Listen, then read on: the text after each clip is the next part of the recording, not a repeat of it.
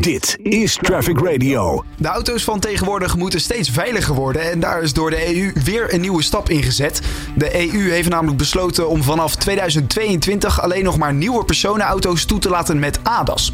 Wat het is en wat dit systeem inhoudt voor eh, de nieuwe auto's, dat bespreek ik met Mark Maaskant.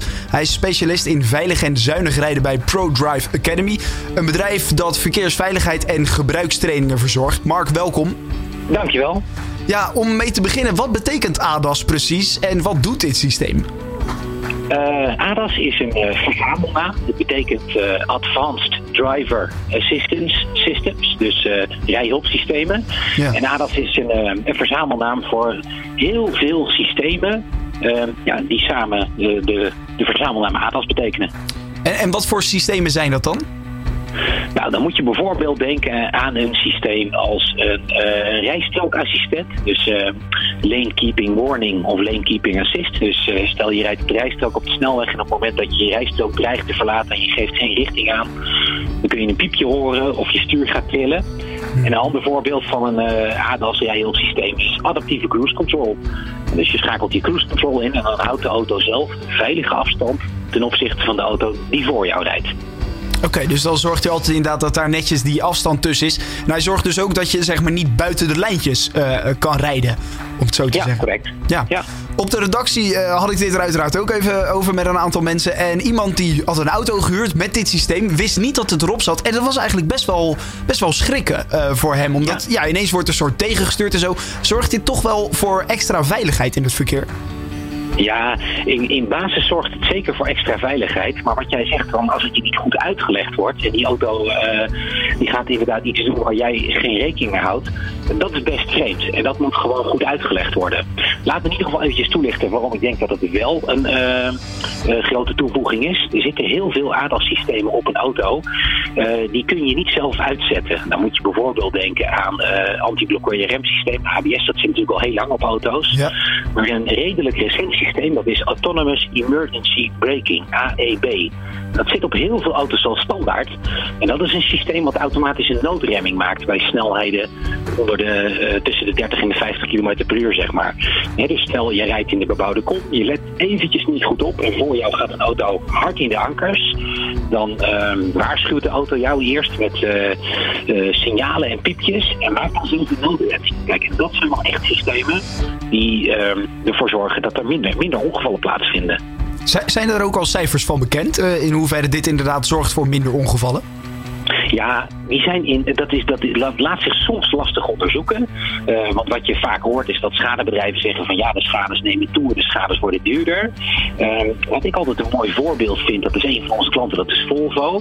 En die zegt sinds dat zij standaard AEB op hun auto's aanbieden, daar heet het destijds City Safety, zagen zij een afname in de verkoop van schadedelen aan schadebedrijven. Dus bijvoorbeeld voor bumpers, motorkappen, koplampen. Ze zagen toen een afname van 30 dus dat zijn wel uh, tekenen dat het echt uh, goed werkt. En er is in Amerika is een onderzoek geweest van de National Highway Safety Association. En die hebben gevraagd aan 70.000 bereiders of zij van mening waren dat rijhulpsystemen ongevallen voorkomen hadden. En daar heeft inderdaad 60% uh, op geantwoord. Het zij van mening zijn dat rijhulpsystemen mede ervoor gezorgd hebben dat een ongeval voorkomen is. Dus ik, ik, ben er wel heel positief over. Dat geeft inderdaad wel aan dat dit echt helpt inderdaad. Het is een systeem met enorm veel sensoren en uiteraard ook een hele hoop techniek erachter. Wat gaat dit precies doen voor de prijzen van de nieuwe auto's? Ja, ja, je zegt het al, uh, sensoren, techniek. Uh, dan zal je auto wel duurder worden. Nou, dat is inderdaad het geval. Uh, wat je ook ziet is, zodra die systemen meer standaard worden, dan zal daar uiteraard ook de prijs een stuk van omlaag gaan. Maar bottom line, voor jou als consument betekent het dat inderdaad een auto duurder wordt met die systeem. Dat klopt. Maar ik hoor net ook dat je weer minder schade hebt. Dus misschien in, zou dat elkaar weer kunnen opheffen. Ja, nou, dat, die, mening deel ik zeker. Uh, we zitten in Nederland met een markt die qua autoverzekeringen en de pricing daarvan best wel onder druk staat. Uh, en je ziet nu ook dat grote zakelijke wagenparken, uh, waar veel schade wordt gereden, zelfs problemen beginnen te krijgen met de verzekerbaarheid. Nou, wat je nu ziet is dat als jij die ADAS onderdeel gaat maken van je veiligheidsbeleid, Dus dat je die echt gaat inzetten om te zorgen dat er minder ongevallen gereden worden. En dan kan je dat weer in je verzekeringspremies terugzien. Dus enerzijds worden de auto's een stukje duurder, waarin je total cost of ownership. Ben ik van mening dat je meer verlaging gaat terugzien. Ja, op, op de lange termijn dan inderdaad, zeg maar. Um, ja, zeker. Over de looptijd uh, dat jij je auto bijvoorbeeld leest of uh, dat je hem gebruikt. Ja. Kijk, je moet niet vergeten dat uh, als jij één schade hebt, je hebt natuurlijk je eigen risico, je verzekeringspremie gaat omhoog, maar ook alle extra kosten die erbij komen. Van vervangend vervoer, je auto raakt schadebedrijf, het verlies van uren. Ja. Dus ook als je de indirecte kosten meeneemt van een schade, ja, dan kost één schade gewoon heel erg veel geld. Ja, nou kan ik me ook voorstellen, want we hebben het nu even over schade. Maar uh, de schade aan een auto met een ADAS-systeem, um, daar moet denk ik extra veel aan gebeuren vanwege die sensoren. Want dat zal niet meer zo goed werken na een ongeluk. Ja, dat klopt. Daar heb je zeker een punt. Die sensoren die moeten niet alleen vervangen worden als ze beschadigd zijn, maar die moeten ook opnieuw gekalibreerd worden.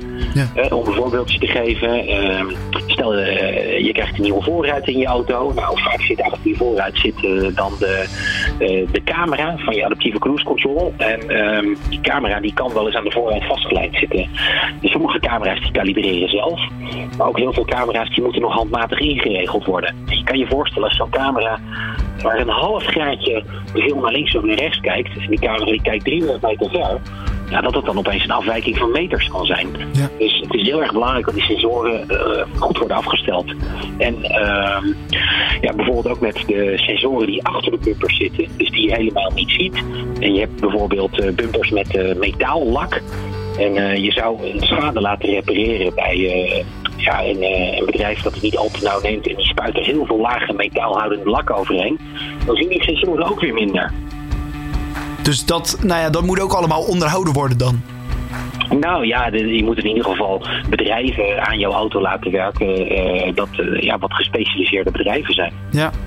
Een systeem dat dus vanaf 2022 verplicht is op alle nieuwe auto's in de EU. ADAS heet het. En als ik jou mag geloven, Mark, dan is dat een, uh, een gunstig iets. Iets positiefs. Nou, ik ben echt uh, serieus van mening dat rijhulpsystemen bij het goede gebruik en onder de juiste omstandigheden mede kunnen bijdragen aan, een, uh, aan minder ongevallen en meer veiligheid. Dus het is heel erg belangrijk te zien, je moet als, uh, je moet het als rijhulpsystemen zien en zeker niet als een systeem wat, wat zelfrijdend is of wat dan ook. En wat bedoel ik met onder de juiste omstandigheden? Dat is bijvoorbeeld dat je bij wegwerkzaamheden, waar je tijdelijke markering hebt, dus bijvoorbeeld de gele lijnen op de weg, ja dat je dan bijvoorbeeld uh, je lanekeeping assistent, dat je die uitzet. Uh, want het systeem heeft soms wel eens moeite met, ja, moet ik hier nou de gele lijn of de witte lijn uh, volgen? En een ander heel belangrijk item, wat ik wel leuk vind om nog even aan te geven, is wat ik zelf merk, ook bij de deelnemers, is dat rijden met die ingeschakelde rijhulpsystemen ook zorgt voor minder vermoeidheid achter het stuur. En dat is ook een belangrijk veiligheidsverhogend aspect, wat je niet moet vergeten. Ja, zeker. Het is dus wel ondersteunend, uh, maar niet vervangend, ADAS. Zeker, nu, nu zeker nog niet. Nee, je werkt zeg maar met vijf levels, waarbij level 5 dan uh, zeg maar de auto helemaal zelf stuurt. En we zitten nu op level 2 à level 3. Oké. Okay, dus dat, dat, is een beetje de ontwikkeling waar we, waar we nu zitten voor consumentenproducten. Uh, Oké. Okay. Mark, mag ik jou hartelijk danken voor je tijd en je toelichting over dit systeem en een uh, fijne dag. Ja, heel erg graag gedaan. Fijne dag. Traffic Radio.